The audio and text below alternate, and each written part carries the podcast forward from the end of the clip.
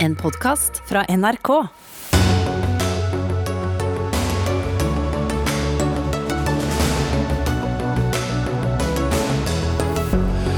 Risikogruppen først, så helsearbeidere. Prioriteringslisten for hvem som skal få koronavaksinen når, er klar. Men ikke alle er enig i den. Utvisningen av en 18 år gammel gutt fra Asker fordi hans mor ga uriktige opplysninger da han bare var barnet, skaper bølger. SV-lederen møter Høyre til debatt. Unge på bygda burde kunne ta lappen på bil allerede som 16-åringer, mener utvalg som vil begrense fraflytting. Det syns ikke Trygg Trafikk er noen god idé. Og langrennsstjernen Therese Johaug er tildelt en av norsk idretts høyeste priser, Egebergs ærespris. Det er unødvendig og umusikalsk, men slettes ikke overraskende, mener VGs sportskommentator. Ja, da sier vi riktig god kveld og velkommen til Dagsnytt 18. Jeg heter Espen Aas. Og først, dagens eh, store nyhet eh, handler om hvem som skal få vaksine når. Og rekkefølgen er risikogrupper først, så helsearbeidere. Det kunne helseminister Bent Høie forklare og fortelle i dag. De første vaksinedosene kan komme til Norge allerede rett over nyttår. Dersom alt går som planlagt, kan vi kanskje få en mer normalisert hverdag i sommer, var budskapet. Men eh, helsepersonell med høy risiko for å bli smittet og smitte andre må prioriteres først, mener du Jon Låke, overlege på Rikshospitalet, ansatt på intensivavdelingen der, og også leder for Norsk eh, anestesiologisk forening, hvis jeg traff riktig der. Hvorfor det? Ja, det, det, som er det vanlige ved pandemier, og også det vanlige ved sesonginfluensa. Vil si at man uh, egentlig sier at uh, helsearbeidere i fremskutt posisjon og pasienter i risikogrupper skal vaksineres først. I praksis så vil det innebære at uh, helsearbeidere får vaksine tidlig, fordi det går veldig raskt å gjennomføre. Da sist vi hadde influensavaksinasjon på Rikshospitalet, så vaksinerte vi 500 personer i løpet av et par timer.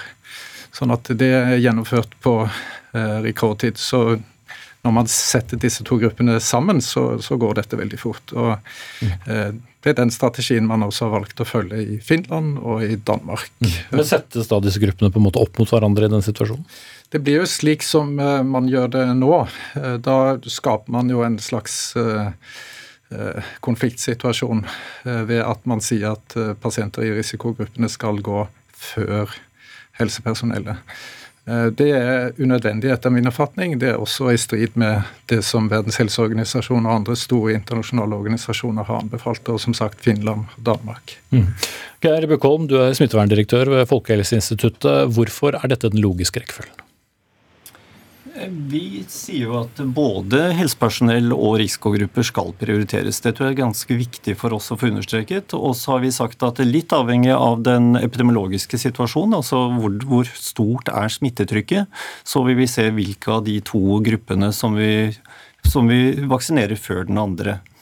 Og så tenker jeg at det er tre forhold som er ganske viktige her, som vi legger til grunn i vår, i vår tenkning. Det ene er at det primære det er å redusere risiko for alvorlig sykdom og død. Og det andre er å sørge for at helsetjenesten skal være funksjonell. Og at ikke minst at de delene av helsetjenesten som er spesielt utsatt, skal, skal være funksjonell. Og vi tenker at det, og det tredje poenget det er at vi har en vaksine som vi tror først og fremst har en individeffekt. Vi vet ikke hvilken effekt den har på spredning, av, altså hindre smittespredning.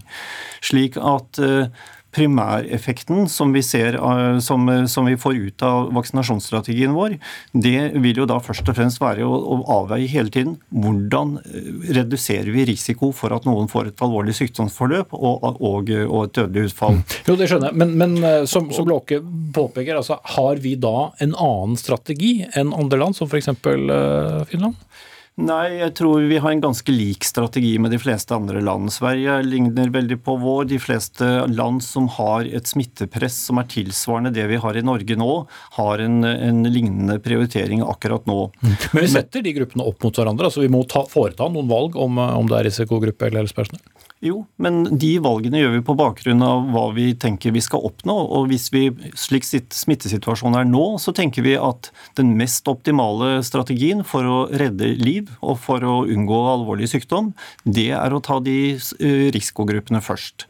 Hvis smittepresset endrer seg, så vil, eh, vil dette være motsatt. Og, og Derfor så tenker jeg det er viktig fra vår side å si at ja, vi ser på begge disse gruppene, og rekkefølgen den avgjøres av smittepresset. og en totalvurdering av hvordan oppnår vi det som er primærmålet vårt. Beroliger det deg, Låke? Altså, smittepresset det er stort inne på en avdeling som behandler koronapasienter. Det er derfor vi bruker dette smittevernutstyret som uh, mange har sett på TV. Det er tre grunner til at uh, helsepersonell skal vaksineres tidlig. Det ene er at uh, helsepersonellet selv er arbeidstakere, og de har et krav på vern.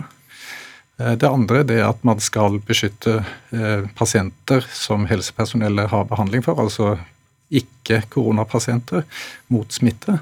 Og Det tredje det er vern av virksomheten. Og Hvis vi husker tilbake i mars, så eh, debuterte jo nærmest koronasituasjonen i Norge med at øredelingen på Ullevål sykehus måtte stenge ned. Pasienter måtte flys til Stavanger, Bergen, Trondheim for å få behandling, fordi én lege eh, tok med seg smitte tilbake fra eh, ferieopphold i utlandet. Mm. Så dette kan eh, fort ha veldig store konsekvenser. Bekom. Men jeg tenker at et, det er et viktig poeng her, og det er nettopp det at vi vet i veldig liten grad i hvilken grad disse vaksinene beskytter mot spredning. Slik at det å vaksinere helsepersonell, har, vi kan ikke regne med at det har noen beskyttende effekt i forhold til, til, å beskytte pasientene. Det bare beskytter da mot sykdommen? Det beskytter mot sykdom. Det er det vi vet så langt. Så kan det nok hende at vi etter hvert får informasjon om en smittespredningshemmende effekt av disse vaksinene, men så langt har vi ikke noen dokumentasjon på det. Og det gjør jo nettopp nettopp det, det, det har nettopp en, en effekt på hvordan vi vurderer det å vaksinere personell rundt pasientene. For det man oppnår med det, er jo da at eh, disse personene kan få asymptomatisk sykdom i mye større grad. Og vi får ikke noen indikasjon heller på når de er syke. Mm. Kort på deg, Lokke. Ja, Det er veldig mye vi ikke vet om de nye vaksinene. sånn at Å trekke frem dette ene poenget det blir litt uh, forsert i denne sammenhengen, etter min oppfatning. Og så er det slik at vi har eh, så godt som, eh, i hvert fall etter min kunnskap, ingen eksempler på at vaksine som beskytter mot luftveissykdom, ikke også beskytter mot smitte. Sånn at Det vil i tilfelle være en helt ny situasjon med denne vaksinen. Det vanlige er at har man en effektiv vaksine, så beskytter den mot sykdom når det er luftveissykdom vi snakker om. Mm. Bare kort annet spørsmål nå som jeg vet en del lurer på. Hvorfor eh, spiller ikke geografi inn? Mange, eller Noen som jeg har sagt med i dag lurer på hvorfor går man ikke i gang med å vaksinere i det som i dag er røde områder, altså hovedsakelig storbyer og andre områder, men i stedet ser grupper? Ja, Det følger jo den samme logikken som det vi har lagt eh, til grunn. Nemlig at eh, for det første så tenker vi at vaksinen først og fremst er en, en vaksine som beskytter enkeltpersoner. Og for det andre så tenker vi at så lenge vi har en smittesituasjon i Norge som vi har nå, med tross alt moderat smitte, selv om man i noen regioner i Norge opplever det som, eh, som ganske mange, vi har full kontroll på infrastrukturen i landet, vi har ikke en helsetjeneste som er spesielt eh, anstrengt akkurat nå. slik at så lenge vi har denne situasjonen, så tenker vi at det er fornuftig å spre eh, denne vaksinen, eller fordele denne vaksinen jevnt utover landet, og sørge for at de personene som har en risiko for et alvorlig forløp, at de får denne beskyttelsen. Mm. Vi skal kort over til Sverige nå. Reporter Joakim Reikstad i Karlstad, faktisk. Du har oppholdt deg i Sverige i noen dager. Og der skal eldre og helsearbeidere prioriteres først, eh, sier statsministeren eh, i dag. Hva er vurderingen der? Ja, Det er jo en litt annen vurdering man må ta her i Sverige. Jeg kan jo prøve å sette det litt i perspektiv for dere. Mens vi har vært her denne uken, siden tirsdag, så har ca. 15 000 svensker fått påvist covid-19. I Norge er det tilsvarende tallet nå ca. 1200 i den samme perioden. Så smittetrykket her i Sverige er et helt annet. Og presset på helsevesenet er også et helt annet. Og ikke minst så er det jo nettopp i eh, eldreboliger og på gamlehjem at man er bekymret for eh, utbrudd. og Derfor er det der man setter inn trykket først. Det er altså de som bor på eldrehjem og sykehjem, og de som arbeider der, som skal komme aller først eh, i køen. Dernest skal de som arbeider i hjemmetjenesten, som det heter i Sverige, altså de som får hjemmesykepleie, og de som bor sammen med noen som får hjemmesykepleie, som skal prioriteres. Mm. Ja, Sverige har jo som vi vet et høyt uh, smittetrykk. De planlegger altså å, å vaksinere to millioner før påske. Hvordan skal de få til det? Ja, Det skal de jo legge et eh, løp for. Eh, Sveriges vaksinekoordinator eh, har jo vært veldig tydelig på det, at nå må landet komme i gang med planleggingsarbeidet. Han har mange ideer og mange teorier om hvordan dette her kan gjøres, men både Norge og Sverige har fått ganske klar beskjed fra Rikard Bergstrøm nå at det er nå det skjer. Nå må vaksineringen settes i gang, og dette skal rulles ut. Det er mange logistiske utfordringer knyttet til vaksinen. Selvfølgelig, eh, hvis det er Pfizer-vaksine og antageligvis også Moderna, så er det vanskelig med logistikken når det gjelder transport. Det skal kanskje transporteres i svært lave temperaturer, på svært lave temperaturer, ned mot 70 eh, grader. Men her må altså da landene nå så raskt som mulig legge en plan for hvordan dette her skal gjøres, slik at vaksinen kan komme ut til de som skal ha den først. Mm. Så takk til Joakim Reikstad fra Karlstad. En ting er jo eh, prioriteringsrekkefølgen, noe annet er skepsis til vaksinen. Og Wasim Sahid, du er lege og også velkjent samfunnsdebattant med oss på, på, linje, på linje, Og her har myndighetene en, en, jobb å gjøre før eh, vi kan gå i gang med vaksinen, mener du. Hvordan da? Ja, det har de absolutt. Det jeg har lagt merke til, eh, både gjennom eh, å følge med på diskusjoner på sosiale medier og også ved å prate med folk jeg kjenner og kollegaer, er at det er en betydelig skepsis mot disse vaksinene som kommer mot koronaviruset nå. Og Det er ikke bare snakk om eh, konspirasjonsteoretikere eller vaksinemotstandere, men en mye større gruppe. Eh, folk som også tenker helt vanlig og rasjonelt og ikke er motstandere av eh, vaksiner generelt, som er utrygge, som er redd for bivirkninger, som er, som er usikre på effekten. Og det er mange som sier at de har ikke tenkt å ta den vaksinen her. Og det er jeg svært bekymret for. Men hvorfor er det det, Sahid? Jo, fordi det, jo, det burde vært katastrofalt hvis vi får da disse vaksinene, disse dyre vaksinene og vi kjøper masse, og de blir stående i et fryseskap fordi folk ikke vil ta dem. Disse vaksinene kommer til å ha effekt på pandemien hvis folk lar seg vaksinere. Og Der mener jeg at Myndighetene har en stor jobb foran seg for å på en måte selge inn denne vaksinen. Informere folk om at uh, dette her er lurt, at det er trygt. Uh, gi god informasjon og trygge dem på det. Jeg prøver å gjøre det gjennom mine kanaler på sosiale medier og YouTube og den type ting, men eh, vi trenger en mye større maskin, mye større maskineri for å få frem dette budskapet her. Og, og, som sagt så vil jo måte, disse vaksinene gå til spille hvis de ikke blir brukt, og da får vi heller ikke gjort bremset denne pandemien slik vi ønsker. Mm. Så ser den helsedirektør Espen Nakstad et knapt flertall altså et knapt flertall av, av sykepleierne sa i en undersøkelse at de vil ta koronavaksinen, mens nesten like mange sier at de er usikre eller sier nei. Men er det noen grunn til å være skeptisk til den uh, vaksinen? Jeg tenker at det er ganske oppløftende tall. At uh, Vi vet fortsatt veldig lite. og Som Geir Bukholm også har sagt i pressekonferansen i dag, vi vil få mer informasjon etter hvert om disse vaksinene. Vi vil se om de er så effektive som det blir sagt. Vi vil se hvor mye bivirkninger vi kan forvente. Uh, og Hvis dette viser seg å være så gode og trygge vaksiner som vi håper, og i tillegg man kan produsere med store volumer, så er det en bragd vitenskapsmessig i verden. Og eh, det store flertallet av folket vil nok sette seg inn i dette grundig og selv vurdere på en god måte om man vil takke ja til en vaksine. Mm, men nettopp det du sier om bivirkninger, vi vil se etter hvert hva slags bivirkninger eh, som kan uh, komme. Det hørtes jo ikke så beroligende ut hvis man er skeptisk? Når jeg sier se etter hvert, så mener jeg at når da denne dokumentasjonen er tilgjengelig, og Geir Bukholm og andre får sett dette her, og ikke minst Legemiddelverket uh, i forbindelse med godkjenningsprosesser i Det europeiske legemiddelbyrået bl.a., da, først da vi vil få dokumentasjonen og se hvor gode disse faktisk er. Det vi foreløpig vet, er jo det som er sagt i pressemeldinger fra disse produsentene. Og det er jo ikke tilstrekkelig. Sånn at eh, jeg tror åpenhet om all informasjon til vaksinene, at alle får se hvor gode de er, hva som er rapportert av bivirkninger, eh, mest mulig informasjon er det viktigste vi kan gjøre for at folk ikke skal bli skeptiske, og vurdere da eh, behovet selv for om de ønsker en vaksine. Mm. Ja, Bøkholm, Når kan vi vite nok om eventuelle bivirkninger?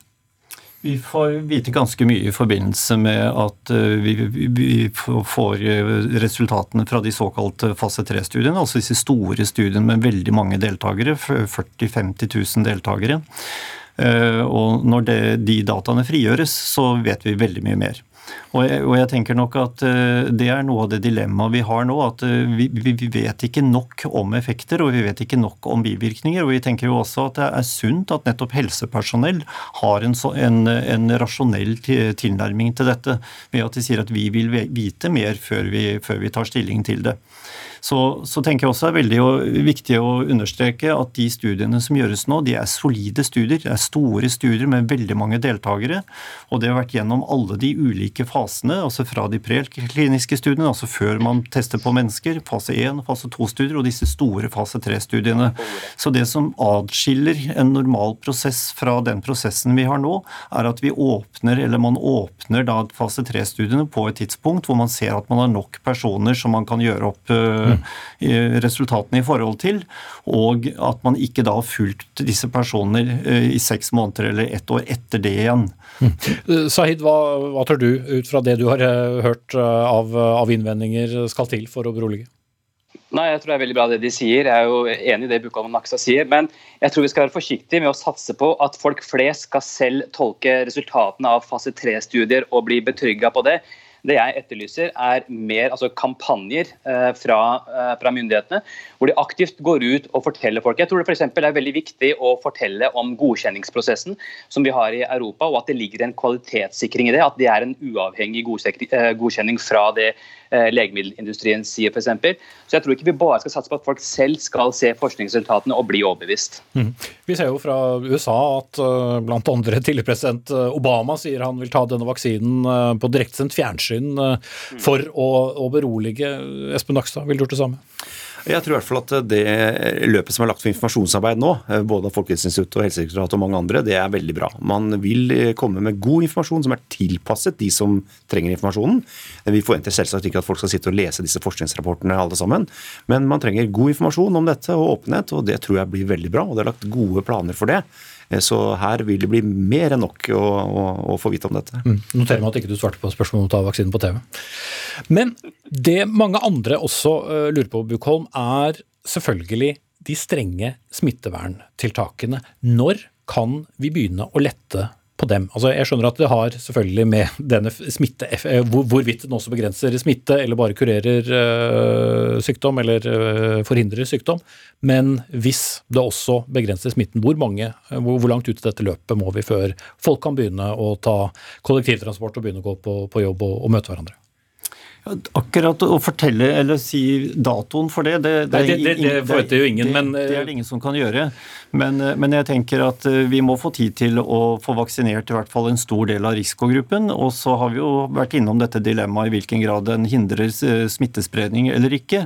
Men det er klart at hvis man har fått vaksinert den største mengden eller delen av befolkningen som, har, som kan få et alvorlig sykdomsforløp, så vil jo det kunne bidra til at man kan ta ned noe av, av, av tiltakene. Mm. En helt men, annen situasjon ved, ved påske, sa, sa Høie i dag. Er det realistisk? Ja, Det vet jeg ikke om det, om det kommer så tidlig, men, men, det er klart at dette må vurderes eh, kontinuerlig. og Man må se på smittetallene og man må se på effekter eh, kontinuerlig og, og, og, og samle erfaring ut fra det. Mm. Nakstad, når mener du det er uh, tilrådelig å, å, slippe opp på smitteverntiltak? Jeg er helt enig med Geir om at vi må se på smittetallene og effekten. og Det er klart, um, det som er viktig, det er å vite at selv om man vaksinerer de som bor på sykehjem, da kan man selvsagt lempe på tiltak der, og så kan de få besøk og slippe å være isolert. Det er kjempebra. Det vil skje med en gang man har vaksinert de på sykehjem. Uh, og så er det sånn at Etter hvert som man vaksinerer da nedover i aldersgrupper, så blir risikoen for de som blir vaksinert mindre. Men vi må huske på at eh, f.eks. i aldersgruppen 40-60, da, hvis det er sånn at én av 5000 eh, smittede dør. Det høres lite ut, men hvis de ikke er vaksinert, og vi alle sammen tenker at nå er faren over, nå kan vi bare leve som før, og veldig mange av de blir, eh, smittet, og det er jo nesten 120 000 mennesker, ja, da får vi 200-300 dødsfall, eh, hvis vi regner sånn på det. Og, og det så holdes smitteverntiltakene strenge ja, lenge? Altså, det å risikere en stor smittebølge som gir også mange dødsfall og sykehusinnleggelser i yngre aldersgrupper når vi bare er noen uker fra de kan bli vaksinert, det er ikke heldig. og Det er egentlig mitt poeng, at vi må tenke på det. Og da er det smittetallene vi må passe på.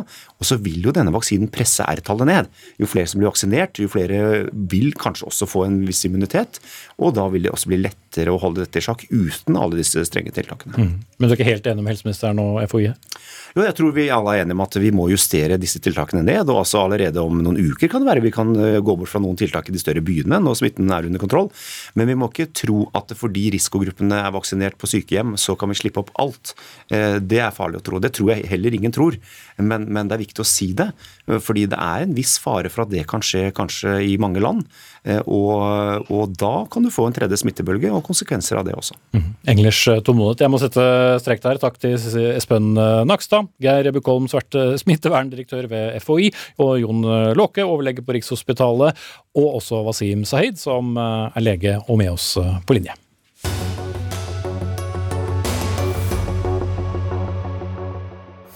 Fortjener langrennsstjernen Therese Johaug Eva en av norsk idretts høyst hengende priser? Selv om hun altså brøt det internasjonale dopingreglementet og ble utestengt i 18 måneder, det skal vi snakke om mot slutten av sendingen. Men vi skal eh, holde oss innenfor helsefeltet. For eh, tallet på nordmenn som vil få demens, vil doble seg de neste 30 årene. Og Derfor så haster det med å sette i gang tiltak for å møte disse utfordringene. Det viser en ny studie. Geir Selbekk, professor ved Nasjonalt kompetansesenter for aldring og helse, også hovedforfatter bak denne studien 'Forekomst av demens i Norge', som ble lagt fram eh, for et par dager siden. Du er med oss eh, fra Lillehammer.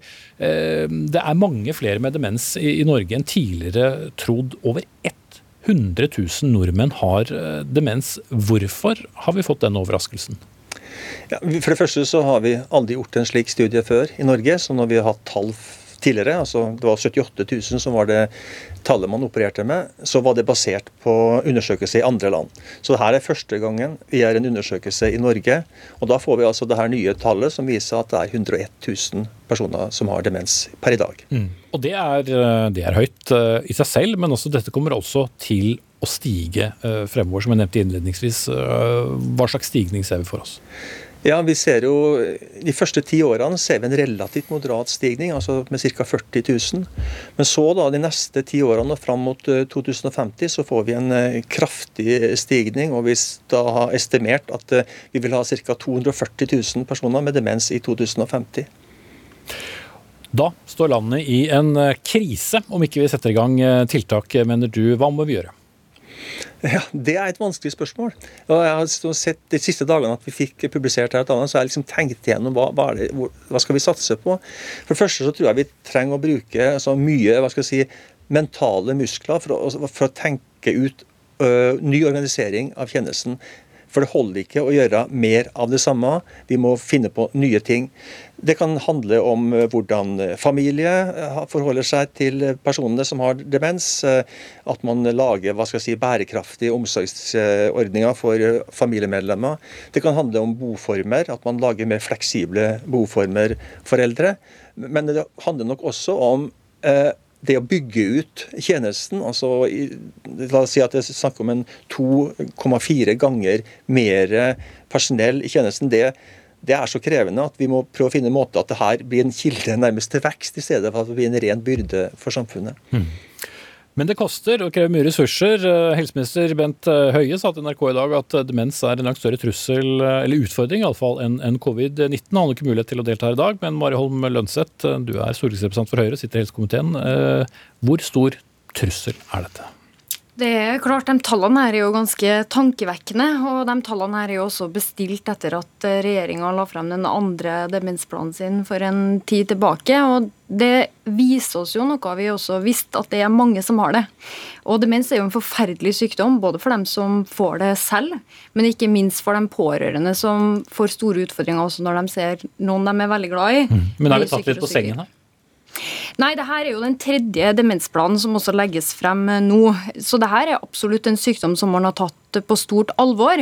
Men jeg tror at en av de største utfordringene som man har hatt innen demens, det viser også det at vi ser at vi får flere enn vi trodde, det er at det er mange som har demens som kanskje ikke har blitt utreda eller fått diagnose.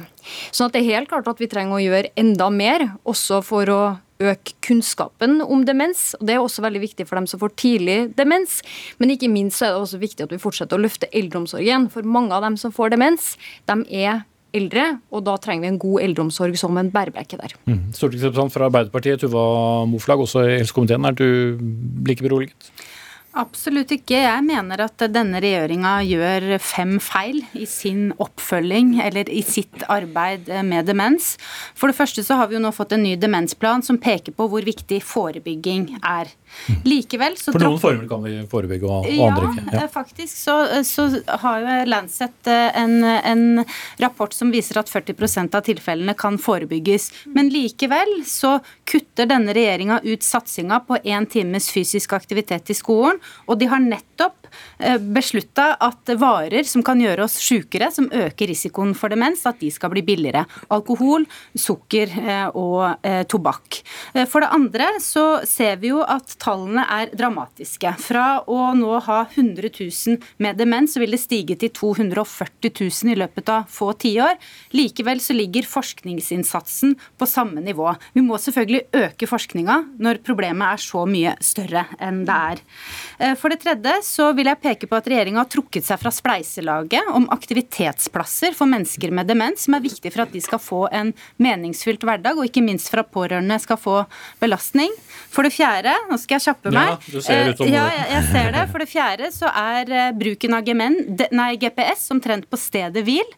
Og for det femte så er kommuneøkonomien nå så pressa at vi ikke har nok folk til å jobbe i eldreomsorgen. Mm, du skal slippe å ta det stykkevis eh, og delt lønnssett, men det siste med å senke avgifter på alkohol. Jeg vet at ikke det handlet om helsepolitikk, men det fremstår jo ikke akkurat som et helsefremmende tiltak. Altså Regjeringa fører også en god forebyggingspolitikk, og noe av det som vi også ser at er et stort problem for dem som får demens, er jo også at de føler på ensomhet.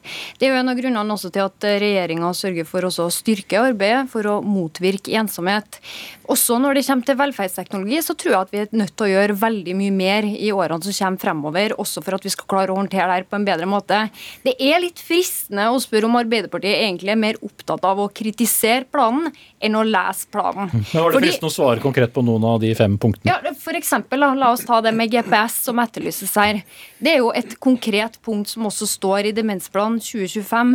Og det er også en del også som kommunene kan gjøre på egen hånd i kommunene gjennom også velferdsteknologiprogrammet, som videreføres neste år. Det er jo fristende å spørre Arbeiderpartiet også, som har ordførere i mange av de her kommunene, som for øvrig også har en god kommuneøkonomi med et godt økonomisk handlingsrom, med rekordfå kommuner på Robek-lista, hvorfor man ikke har valgt å prioritere det her mer på egen hånd.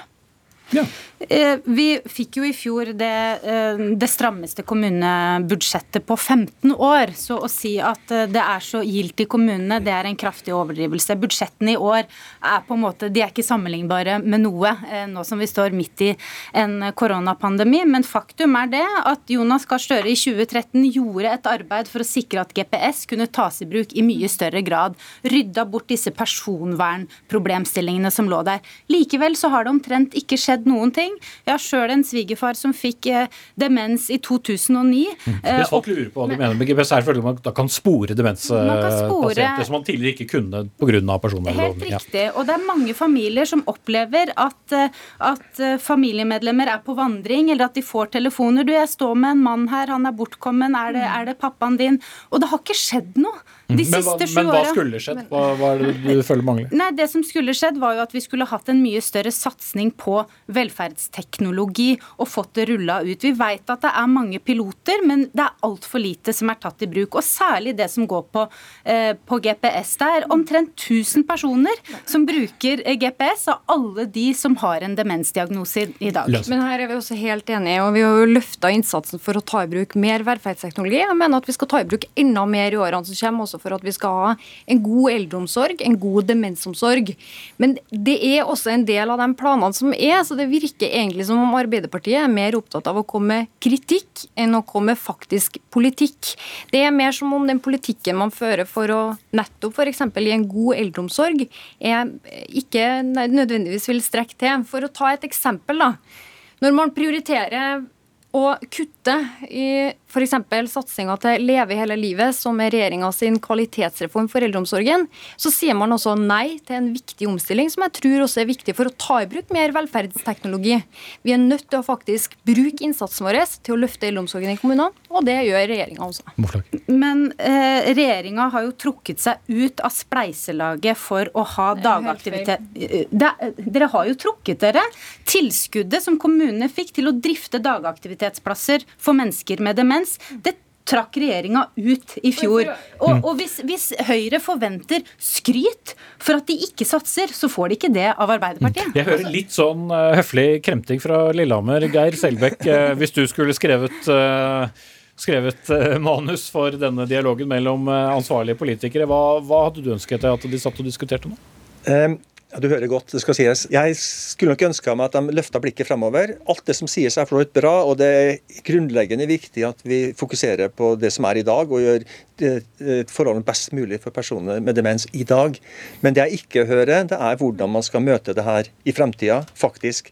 Eh, hvis du går til en kommune og forteller at eh, sykehjem, behovet for sykehjemsplasser øker så formidabelt som det gjør ut ifra denne undersøkelsen, så vil de si at nei, men det her kan vi ikke greie. Og særlig fordi at det er jo distriktskommunene som i størst grad blir ramma i det her. Og de får på en måte dobbel effekt ved at de får den største økningen av personer med demens, og de får også da den største nedgangen av yngre personer som er i gruppa som kan gi tjenester. Mm. Skal dere få et minutt hver til slutt? Ja, Begynn med deg, Jeg må først få svar på det som går på dagaktivitetstilbud for dem med demens. For der har faktisk Høyre foreslått og fått gjennomslag for i Stortinget at man skal ha lovfesta at kommunene må levere et dagaktivitetstilbud. og Det betyr også at kommunene får penger til å gjennomføre det gjennom kommuneramma på vanlig måte. Men jeg er også helt enig i det som sies fra Lillehammer her, at det er nødvendig at vi tenker mer langsiktig også i måten vi planlegger samfunnet vårt. Og Det er en av de viktige tiltakene, også et overordna mål i demensplanen. Det er å bygge demensvennlige samfunn. Da trenger vi gode boformer, vi trenger gode og trygge lokalmiljø, og ikke minst mer forskning. Ja, Det er riktig at eh, Høyre og hele Stortinget vedtok at vi skulle ha uh, disse plassene, men regjeringa fjerna pengene. De avvikla tilskuddet. Men hvis jeg da skal skue fremover, så vil jeg trekke kort, ja. ja, kort. Så er det forebygging, som de ikke leverer på. Mer forskning, som de ikke leverer på. Og en kjempesatsing på de hjemmebaserte tjenestene, for flere skal bo hjemme med demens i åra som kommer. Ok, da setter jeg strekk. Takk til Tuva Moflag fra Arbeiderpartiet, Marholm Lønseth fra Høyre, og med oss fra studio på Lillehammer, Geir Selbekk, professor ved Nasjonalt kompetansesenter for aldring og helse.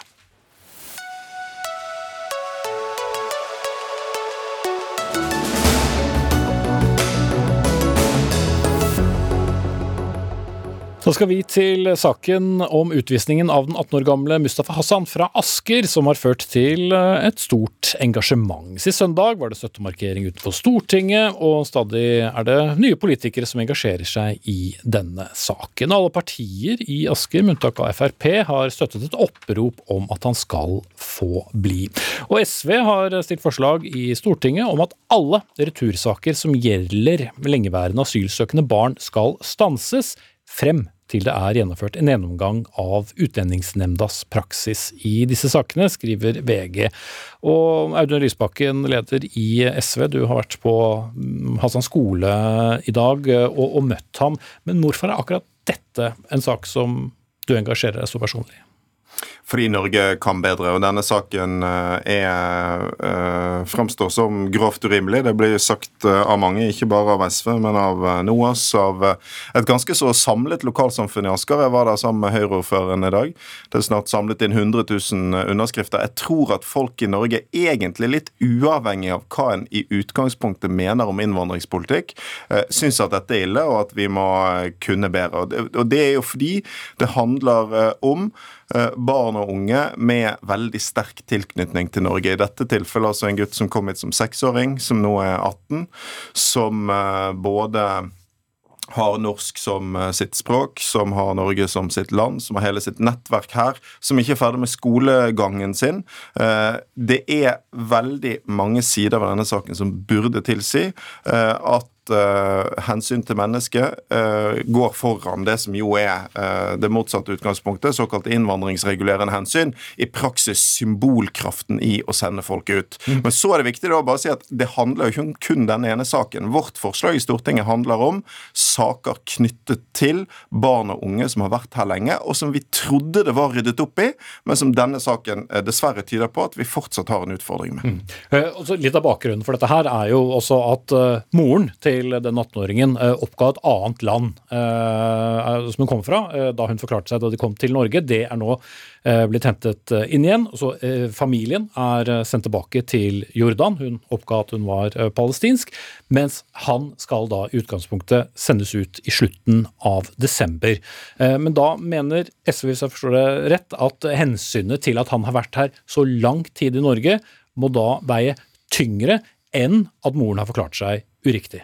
Riktig. Eh, og sånn eh, har det faktisk vært i en god del andre saker også når det gjelder lengeværende barn. fordi prinsippet må være at ens egne handlinger en skal eh, måles etter, og ikke andre.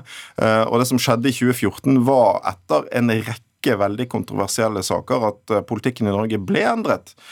Sånn at man nettopp skulle i mye større grad legge vekt på hensynet til bl.a. barns tilknytning til landet, og at det skulle kunne veie tyngre også opp mot den typen eh, innvandringspolitiske hensyn som vi her snakker om.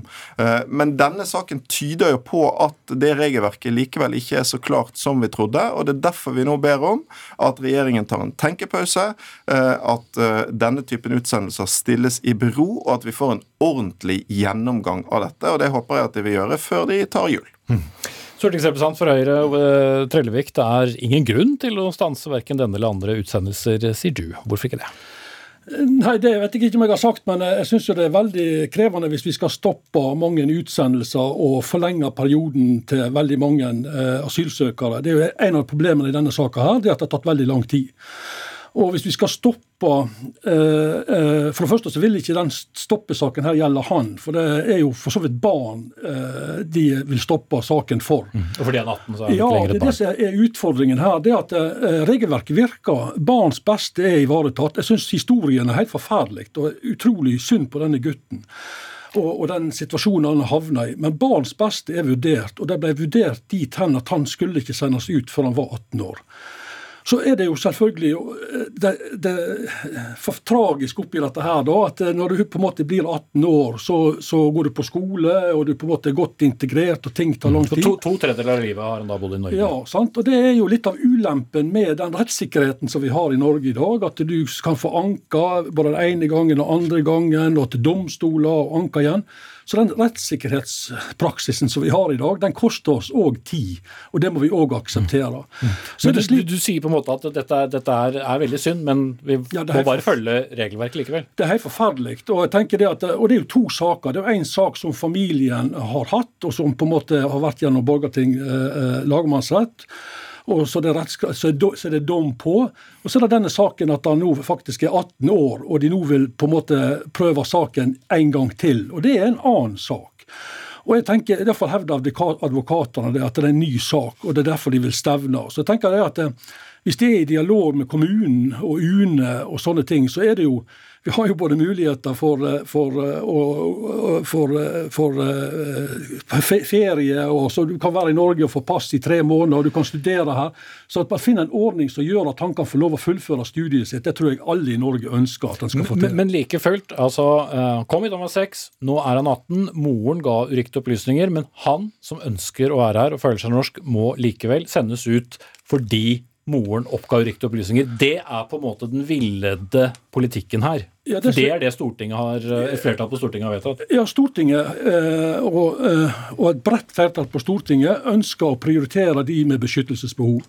Det er uttalt fra samtlige partier på Stortinget at man ønsker å prioritere de med, med, med beskyttelsesbehov. Så er det følelsene som Lysbakken og andre lar løpe med seg? Ja, selvfølgelig. Ja, ikke nødvendigvis selvfølgelig, men det viser hvor dilemmaet er oppi dette her. Sant? Fordi at de menneskelige hensynene skal du alltid ivareta. Og når det gjelder barn, så skal ikke barn bli skadelidende rutiner for foreldre sine, eh, sine på en måte dårlige atferd overfor sine barn. Men det kan heller ikke bli slik at eh, det skal på en måte oppfordre folk til å komme til Norge lyge for norske myndigheter, forfalske dokumenter og komme seg inn til Norge, sette ungen på gata og rømme igjen. Da har vi jo lagd et system som overhodet ikke er bærekraftig. Mm. på det. Jeg vet ikke hvem som er mest følelsesstyrt i denne saken. Fordi at uh, Det man egentlig uh, ber om hvis en ikke vil gjøre noe med denne typen saker, som altså uh, etter alt å dømme veldig få i dag, det er jo å sette på en måte et veldig sånn symbolsk hensyn før det praktiske, som handler om konkrete enkeltmennesker. for meg er dette en prinsippsak. Det handler om hvordan vi vekter hensynet til barn sterke menneskelige hensyn opp mot denne innvandringspolitiske symbolikken. Eh, og det er jo, ikke sant, Hvis en ser på denne veldig spesielle historien som du nettopp refererte sant, altså, Det er ikke veldig sannsynlig at mange vil eh, for det første forsøke å kopiere, og for det andre lykkes med å kopiere denne måten å få opphold i Norge på. Sant? Her snakker vi om veldig få saker. Eh, vi snakker om barn. Uh, og det kan vi altså gjøre noe med uten at det får noen dramatiske konsekvenser for innvandringspolitikken i Norge. Og, det, og hvis, hvis, alle syns at dette, denne historien er forferdelig, da er det jo en systemfeil hvis ikke vi kan gjøre noe med det. Det er brei enighet om at dette er forferdelig, da må vi kunne gjøre noe med det. Men er det ikke da også et potensielt problem at man kan se at hvis du forlenger prosessen, hvis du anker, eh, hvis enhver asylsak skal trekkes ut i tid, så kan man til slutt vise til at barnets beste er jo faktisk at man får bli i Norge hvis man kommer som familie. Jo, men, men igjen, altså, det, no, jeg tror det er viktig å skille mellom hvordan vi møter barn, og hvordan vi møter andre saker. sant? Eh, og, og hvis ser du på denne saken, så, så, er det åpenbart at her har vi Hvis du ser på alle disse sakene, så kan du ikke laste barna for at de har havnet i denne situasjonen. Det er jo det grunnleggende det Stortinget har sagt før.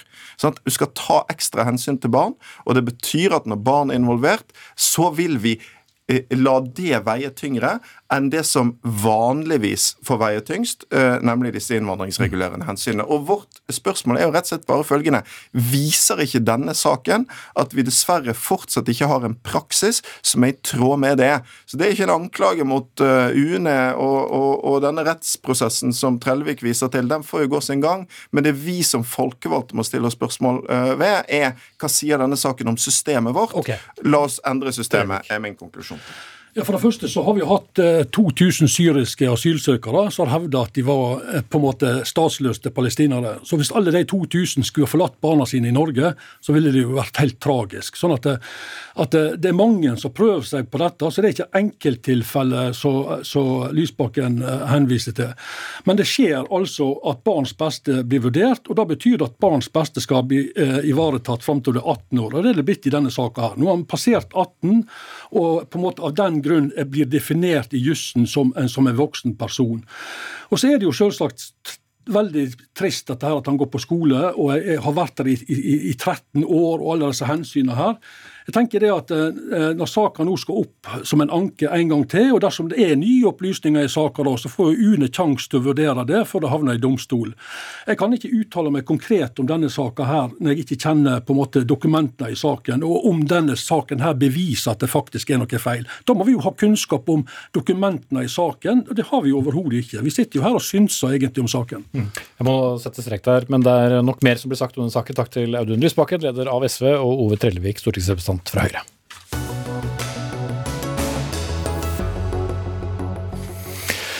Et eh, ekspertutvalg som har eh, sett på utfordringene med demografien i Norge, som bl.a. Eh, handler om å hindre fraflytting fra Bygde-Norge og inn til byene, foreslår at 16-åringer eh, bør slippe til bak rattet, altså at de bør kunne få sertifikat. I dag kan 16-åringer få kjøre scooter og moped og traktor, men forslaget åpner også for at de skal kunne kjøre bil, da for å kunne øke på mobiliteten i distriktene, hvor det er ganske langt mellom kollektivtilbudet.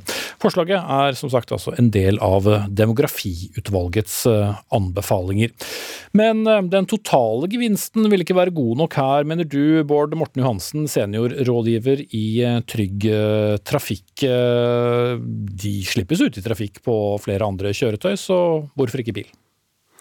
Ja, for det første så er det sånn at bilen har høyere vekt og kan oppnå høyere hastighet. Det er mulig å ta med seg passasjerer jevnaldrende Den tar mer plass, og den er mer krevende enn de andre kjøretøygruppene. Det er først og fremst knytta til, til farten. Og 16-åringen han har eh, ennå ikke oppnådd tilstrekkelig nivå når det gjelder kognitiv utvikling. I hvert fall ikke i gjennomsnitt. Og det handler om det vi kaller selvregulering, som er det viktigste. Ferdighetsmessig så vil det ikke være noe i veien for å lære en 16-åring å kjøre bil. Men, eh, men, den tekniske kjøreferdigheten og den enkle trafikkforståelsen er dessverre ikke nok. Og Derfor så mener vi i Trygg Trafikk at det her er nok, slik det fremstår så langt, et eh, dårlig forslag. Mm. Dette er jo kjente argumenter. Astrid Syse, til vanlig forsker i SSB, men også en del av dette demografiutvalget. Hvorfor eh, henter dere slikt forslag opp fra skuffen? Ja, For det første så vil jeg jo si at dette er ett av mange flere tiltak. Og det er utrolig viktig det å klare å holde ungdom eh, på bygda og holde, la dem leve lykkelige liv og få lov å delta på fritidsaktiviteter og, eh, og, være med venner. Og vi snakker jo om områder hvor eh, kollektivtilbudet nærmest er ikke-eksisterende. Så jeg, jeg, hører alt Trygg Trafikk sier, og jeg vet ikke om jeg har så mange innvendinger mot det, men de har da bare ett perspektiv, at de trenger å sørge for at at folk er tryggest mulig i trafikken. Vi skal på en måte veie to forhold opp mot hverandre. Hvordan skal ungdom eh, få lyst til å bo i distriktene og ha gode liv der, mot eh, eventuelle skadevirkninger som måtte være av at man eh, gjør en sånn her prøveordning. Det er snakk om en prøveordning, og det er snakk om at eh, kommuner med overlegen lokalkunnskap som har oversikt over sitt trafikkbilde, sine veier, eh, eventuelt kan eh, melde seg på en sånn her ordning. Mm. Ja, uh, Johansen, det er jo forskjell på å, å, kjøre bil i Trondheim eller Bergen eller uh, Oslo enn å skulle kjøre bil da ute på landsbygda, eller? Ja, og dessverre så er det sånn at det er på fylkesveinettet vi har de mest alvorlige og de fleste alvorlige ulykkene. Og det er faktisk ikke sånn at utfordringene er størst trafikksikkerhetsmessig nær de store byene. Det er på bygda det har, er verst, og det har det vært i mange år. Og vi ser en, en bedring fra år til år. Og når vi da har egentlig hatt store nok utfordringer med dem som er 18 år, og enda opp til kanskje 24 år, så kan vi jo med gru forestille oss hvilke lykkelige liv de skulle få når de får lov å kjøre bil på egen hånd fra 16 år.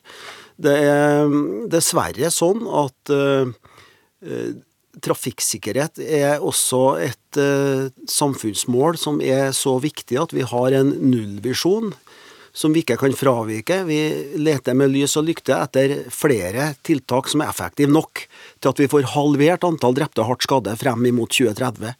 Og, og, det er en sånn formidabel oppgave at vi kan ikke tillate oss å, å slippe løs nye eh, forhold som gjør dette her verre for oss enn mm. det er i dag. Mm. Men synes jeg en ting er nå å skulle kjøre hjemmefra og til ungdomsklubb eller kamerat på landsbygda, men har du først et eh, sertifikat, så er vel ingenting som hindrer deg fra å kjøre på både fylkesvei og europavei, og, og sågar til eh, nærmeste store by med et langt mer komplisert trafikkbilde? Jo, i det forslaget vi har foreslått, og som også er løsninger de har i USA og Canada, hvor folk faktisk får kjøre fra de er 15,5 eller 16, så er det snakk om et begrensa førerkort. I California er det f.eks. ikke lov for uh, ungdom å kjøre etter klokka 11 og før klokka 5 på, uh, på morgenen.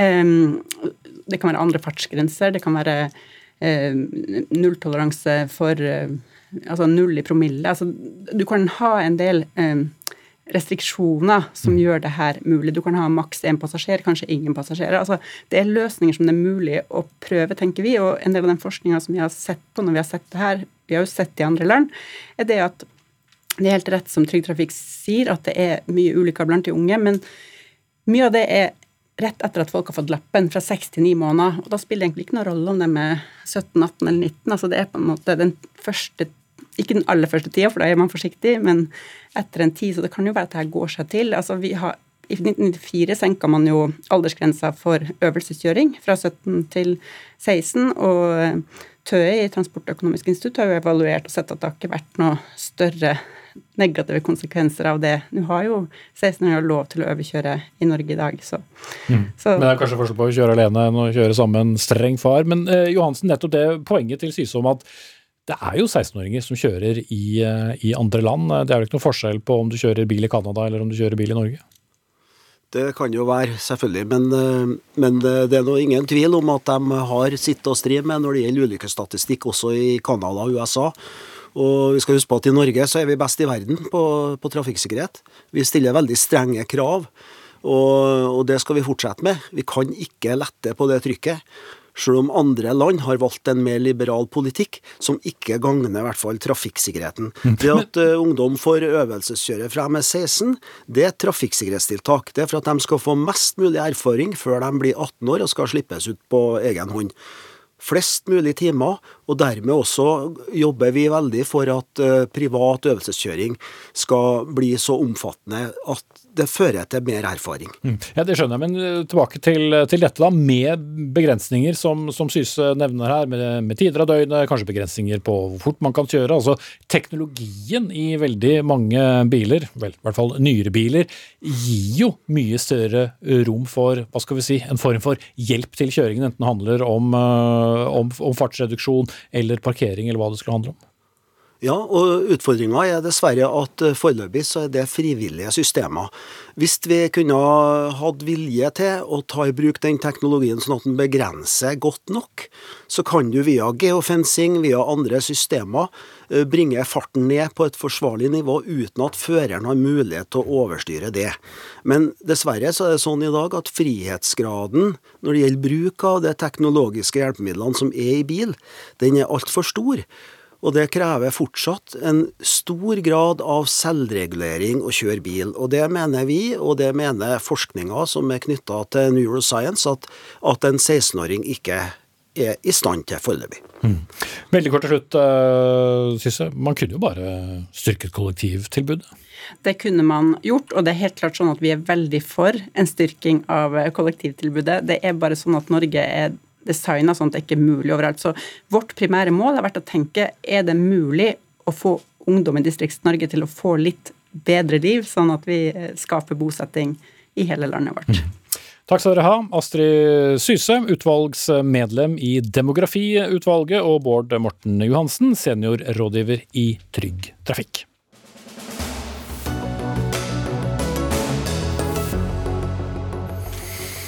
Så skal vi til eh, norsk eh, idrett og til langrennsstjernen Therese Johaug, som i dag eh, mottok en av norsk idretts høyeste utmerkelser, Egebergs ærespris, i forbindelse med Norgescupen på sju sjøen. Og hun får prisen for sine prestasjoner på internasjonalt toppnivå i langrenn, og på nasjonalt toppnivå i friidrett, som det heter. Hun uh, sa selv at hun satte stor uh, pris uh, på det hele, men det er også de som synes kanskje ikke dette klinger så godt, hvis vi spoler, bak, spoler tiden litt tilbake og en viss 18 måneders utestengelse for å bryte dopingregler. Esten Osæter, sportskommentator i Dagbladet, smaker en sånn pris så godt? Ja, den smaker veldig godt. Det er en eh, gledens dag. Eh, hun får en oppreisning fra, fra norsk idrett på at hun både er trodd og forstått i det hun gjør. Altså, det er ingen tvil om at hun ble riktig utestengt. Eh, la oss starte der. Sånne type feil, som er grove feil, de må få en ordentlig straff, og hun må holdes ute. Men det er forskjell på å ville jukse og det å ubevisst, slurvete bryte en dopingregel. Mm. Men er hun en rollemodell for uh, unge idrettsutøvere? Bortsett fra at de må lære seg å lese pakningene, men det tror jeg de har forstått akkurat eh, nå. Men ellers er hun jo kjempepopulær i miljøet på alle mulige måter. Hun tenker på andre folk, hun er populær i hjemklubben sin.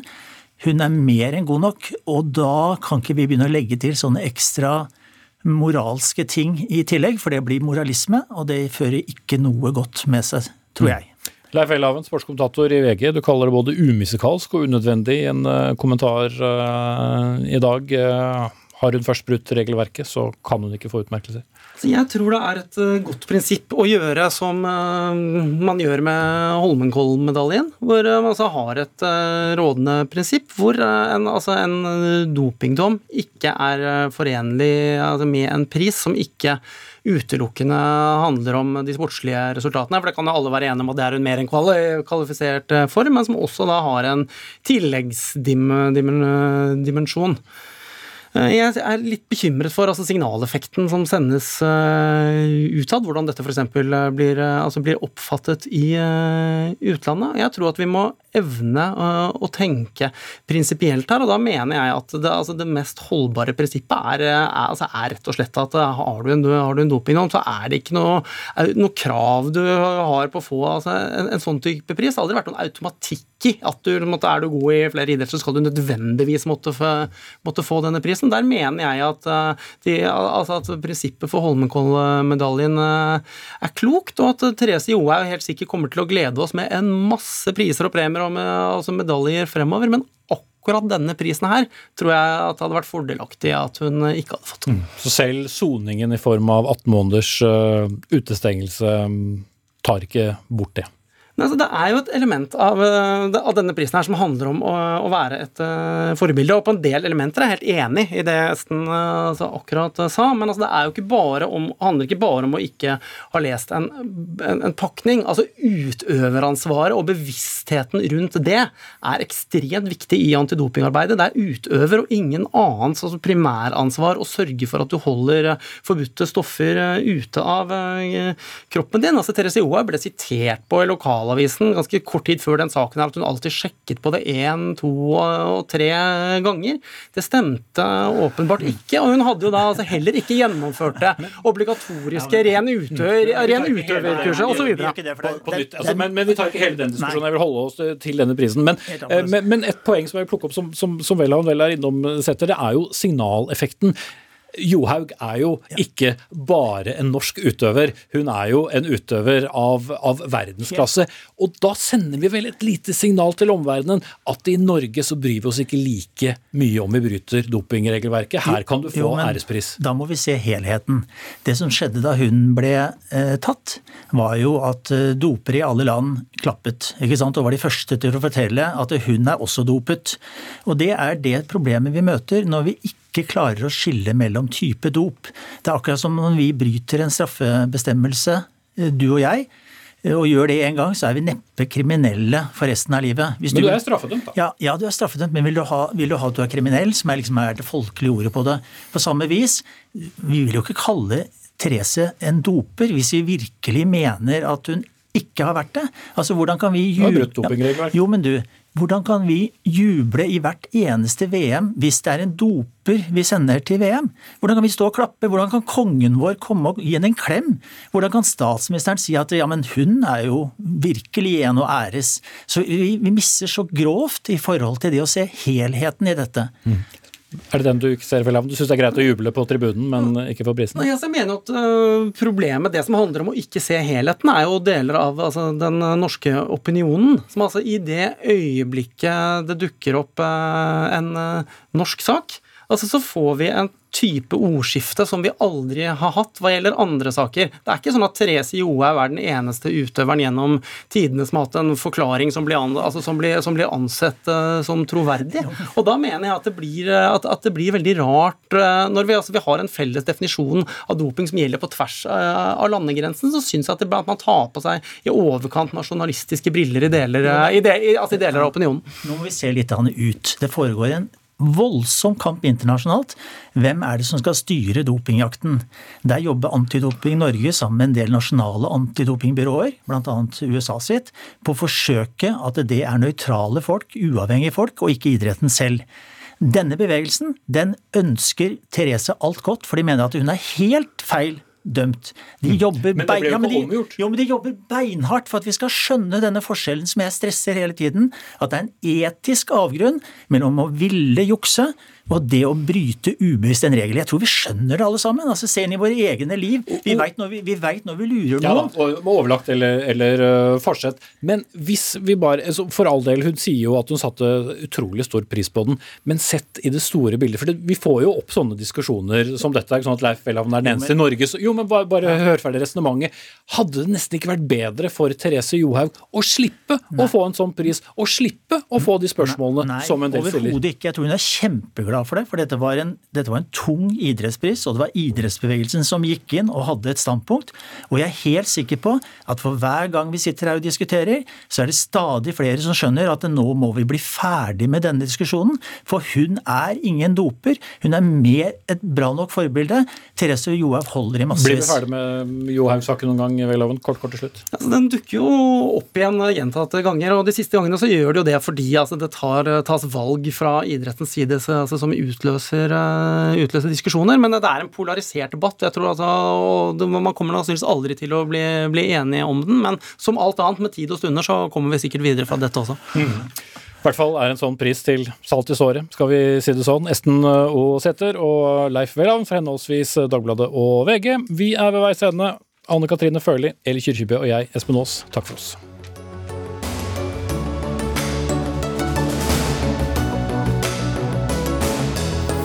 Du har hørt en podkast fra NRK. Hør flere podkaster og din NRK-kanal i appen NRK Radio.